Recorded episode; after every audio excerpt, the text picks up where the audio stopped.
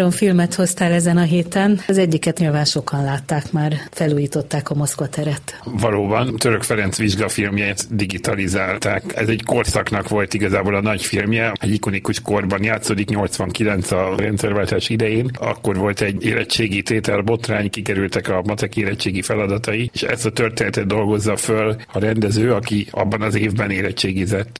Nem csak a korszak az ikonikus, hanem a helyszínei is tipikus budapesti helyszíneken játszódik. Maga a film címe a Moszkva tér, ugye mindenki az óra alatt találkozott, illetve találkozik még ma is, de különböző budai, általában budai helyszínek, amiben könnyen megtaláljuk a magunk történeteit is. És milyen volt a Moszkva teret újra megnézni? Visszajöttek régi emlékek leginkább, meg eh, igazából nekem azt tetszett, hogy egy csapat nőtte ki azóta magát Szabó Simon, Barla Eszter, Karajos Gábor, ők mind fiatal, éppen a diplomaszerzés után voltak, és furcsa volt ilyen fiatalon viszont látni őket. Igazából első komolyabb szerepükben mindenkinek. Lucy néni! Ó, Paddington!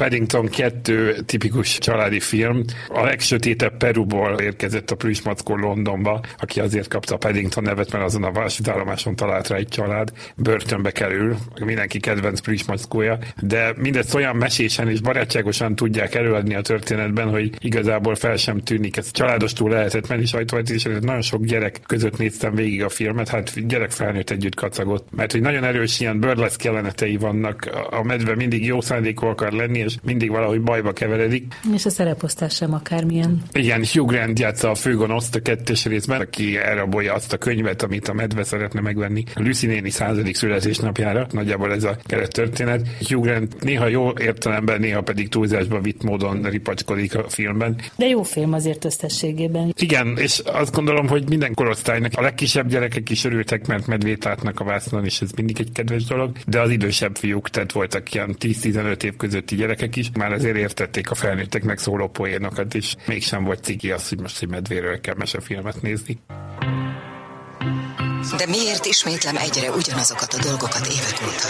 Mindenki azt hiszi, hogy pontosan értem, mi történik, és képes vagyok értelmezni a valóságot.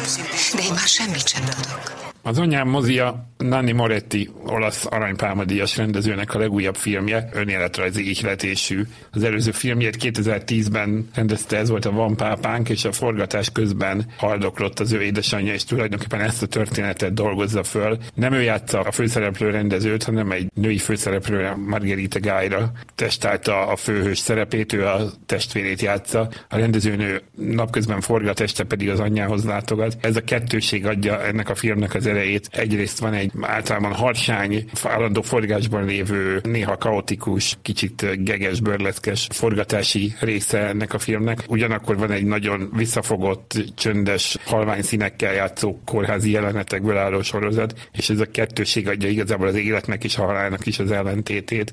A forgatási részben ráadásul ott van még John Torturo, hogy ide is jusson egy A-kategóriás világsztár, Nagy Lebowski-ban láthattuk például korábban, tehát ő egy eléggé kultikus figura, és ez kicsit még parsányabbá élénkebbé teszi a forgatási részt. Mennyire szomorú ez a film? Nem az a tipikus gyászfilm, tehát az egyik fele tényleg napos, a másik fele tényleg szomorú. Egyáltalán nem csak a gyászra helyezi a hangsúlyt. Azt mondtad, hogy még egy eseményt is szeretnél szóba hozni, mi ez? Jövő szombaton lesz az Európai Film Akadémia diátadó gálája, ezt röviden is az Európai Oscar diátadásnak is lehet talán nevezni, ami azért is érdekes idén, mert Mennyedi Elikó Testről és Lélekről című filmje négy kategóriában kapott jelölést. A legjobb film, a legjobb rendező, a legjobb forgatókönyv és a legjobb női főszereplő. Számíthatunk arra, hogy valamit azért csak fog nyerni. Valószínűleg igen, de elég erős kihívó hasonló kategóriákban a négyzet című svéd film. A lényeg az, hogy ennek apropóján tartunk egy gestet az Ankert nevű szórakozóhelyen, ahol ingyen meg lehet tekinteni a filmet szombaton 5 órától, utána pedig héttől magát a diátadó gálát.